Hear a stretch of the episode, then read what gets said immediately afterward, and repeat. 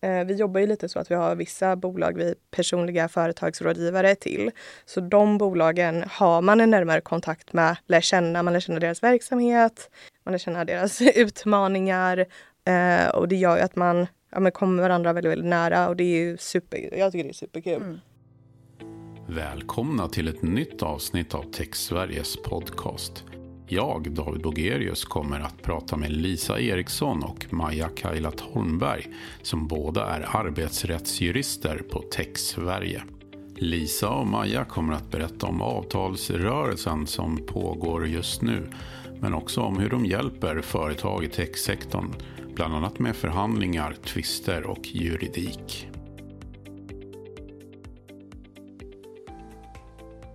Eh, jag heter Lisa Eriksson och jag jobbar som arbetsrättsjurist och förhandlare på Almega och Tech Sverige.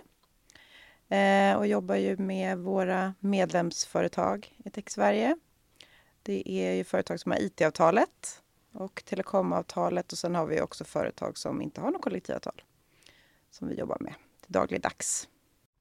Uh, ja, Maja Kailat Holmberg heter jag. Jag jobbar också som arbets, uh, arbetsrättsjurist och förhandlare precis som Lisa. Så jag gör exakt samma saker som Lisa.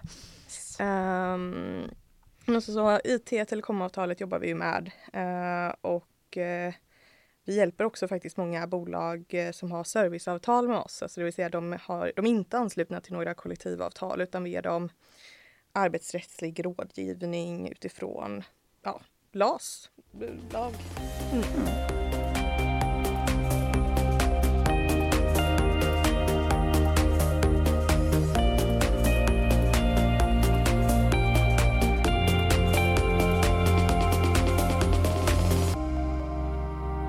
Tillbaka till jobbet då.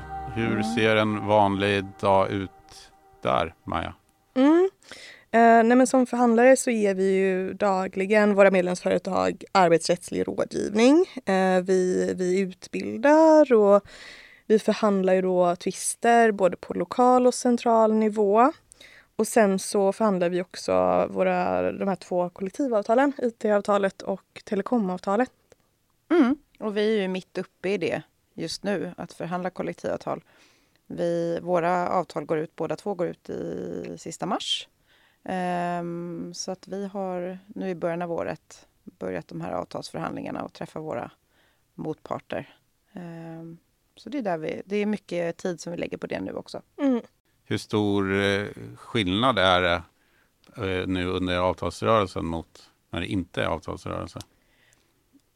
Alltså jag tycker att det är alltså vardagen är ju sig ändå lik. Mm. Men det är ju det är klart att det tillkommer ju de här delarna som finns i, i avtalsrörelsen och den tid som det kräver. Mm. Eh, men annars så är det ju business as usual för våra medlemsföretag. Eh, allt stannar ju inte upp bara för att det är avtalsrörelse om man säger så. Um, så det är upp till oss att, planera. Ja, och det ser lite olika ut mm. beroende på vart man är i avtalsrörelsen. Det, det brinner ju inte hela tiden om man säger så utan det är väl framåt slutet det blir lite mer att göra mm. när det kommer till det. Men annars så, um, precis, rådgivningen fortsätter. Och, förhandlingarna, vanliga ja. förhandlingarna fortsätter och ja, mm. utbildningar och sånt också. Exakt. Eh, ni har ju varit med ett tag. Känner ni av att det på något sätt är annorlunda den, den här gången, vid den här Eh, förhandlings, avtalsrörelsen? Ja, alltså jag tänker det som är annorlunda är väl att det är ett speciellt omvärldsläge med liksom den här höga inflationen och, och de problem som finns liksom i vår omvärld. Eh, och det är klart att i och med att det är många som kanske har svårt att, att få pengarna att räcka till just nu så blir det ju större tryck på vad ska det bli då i lönepåslag eh, i år. Eh, så att på det sättet så är det en speciell avtalsrörelse. Och det är ju historiskt höga krav på eh, löneökningar i år mm. jämförelsevis med tidigare omgångar. Ja, samtidigt som vi har medlemsföretag som ser över kostnader och så och såklart vill, också vill överleva. Mm. Så det blir ju verkligen, man försöker hitta någon typ av balans där som inte är helt enkel. Nej, verkligen. Nej. Var eh, ligger Tech Sverige till i avtalsrörelsen just nu? Ja, alltså nu har vi ju, nu har vi ju båda parter framfört vilka ändringar man vill göra eh, och bollat dem. Eh, och eh, alltså i dagsläget så väntar vi väl egentligen på att industrin sätter märket. Det vill säga den här normerande procentsatsen för löneökning i Sverige. Eh, och när den sätts eh, så ja, men då, då hamnar man väl någonstans i en slutfas i avtalsrörelsen. Då har man ju målsättningen är ju att förhandla klart avtalet efter det. Mm. Um, säger du Lisa? Ja, ja, precis så är det. Och sen kan man säga nu, ända sedan vi, vi har växlat våra liksom, yrkanden i början av januari så har vi ju lyssnat in på våra parter och de lyssnar på oss. Varför vill vi ha vissa typer av förändringar? Och vi lyssnar såklart på facket också då utifrån. Så nu är vi inne i det här vrida och vända på de här olika frågorna. Det är mm. den fasen vi är i. Um, och sen som sagt, som Maja sa, så slutförhandlingsfas blir där någonstans när vi kommer in i april. Mm. Vi argumenterar um, lite, man har inte ja, landat i några färdiga paket. Nej, men precis. Liksom. Um, och det är inte så mycket att kommunicera till våra medlemsföretag under den här perioden utan det är ju att det kommer att komma ett uh, färdigt avtal så småningom där innan vi kommer in i april förhoppningsvis. Uh, och där kommer ju också ett löneavtal med liksom, mm. vilken procentsats som ska gälla från 1 april. Mm. Så um, just nu är det väl liksom sån det är väl en av de vanligaste fas. frågorna ja, från våra medlemsföretag. Mm. Vad, vad, ska vi sätta för lön? Ja, så. precis. Löneökning. Så där blir det lite mer tålamod då. Precis. Ett par månader kvar ja. kan man säga. Yes. Mm. Vad är det företaget behöver hjälp med av er? Ja, alltså det är ju egentligen allt som rör eh, arbetsgivar-arbetstagarrelationen. Ehm, så det är allt från vad ska jag välja för anställningsform till, eh, till en medarbetare som ska börja hos mig. Eh, sen är det löpande rådgivning kring saker och ting som uppstår under en anställning. Det kan ju vara att man har, ehm, får vissa typer av problem. Det, som, det kan också vara att man har en medarbetare som inte presterar kanske som man har förväntat sig.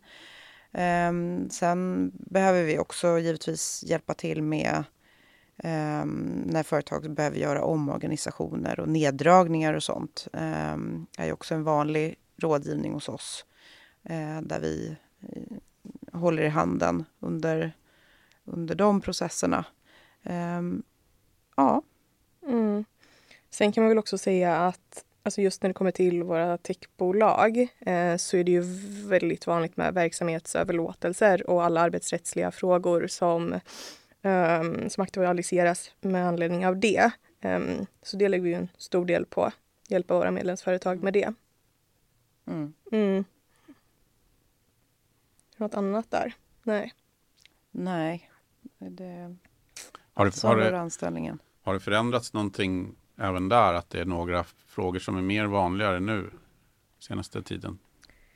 Så vi har en viss ökning av neddragningar Mm. Eh, men inget, uh, inget liksom alarmerande vad vi märker av då om man tittar i techsektorn. Um, men det kan ju vara att man ser över sina kostnader helt enkelt och då gör man ju olika typer av förändringar i verksamheten.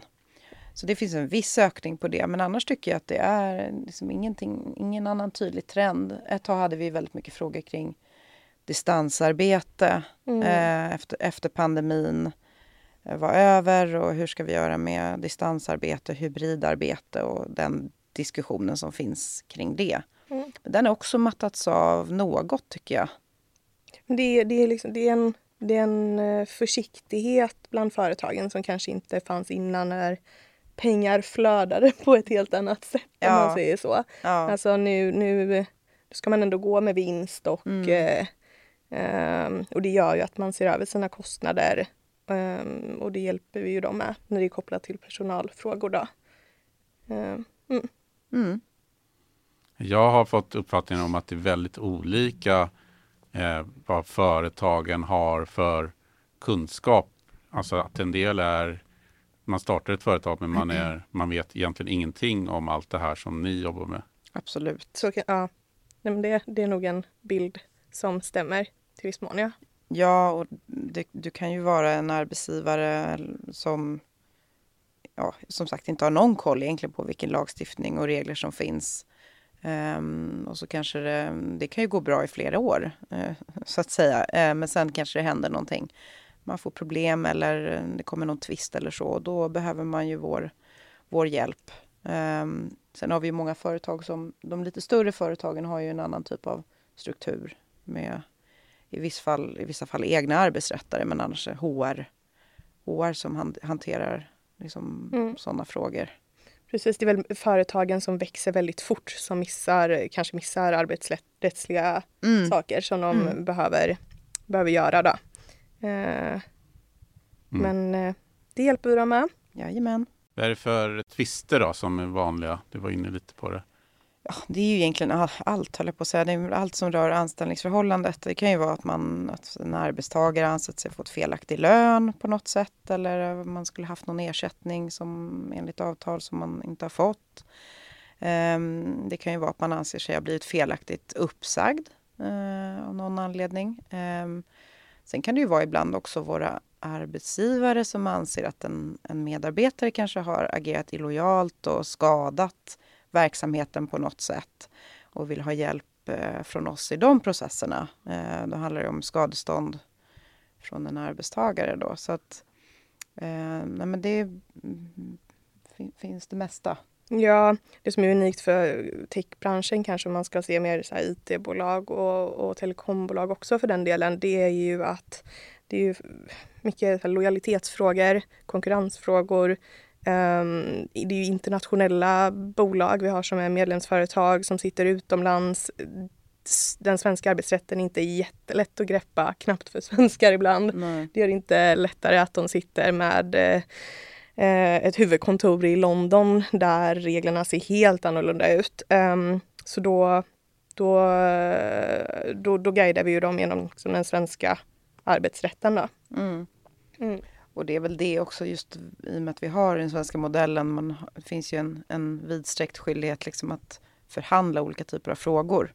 Det är ganska unikt för, för Sverige.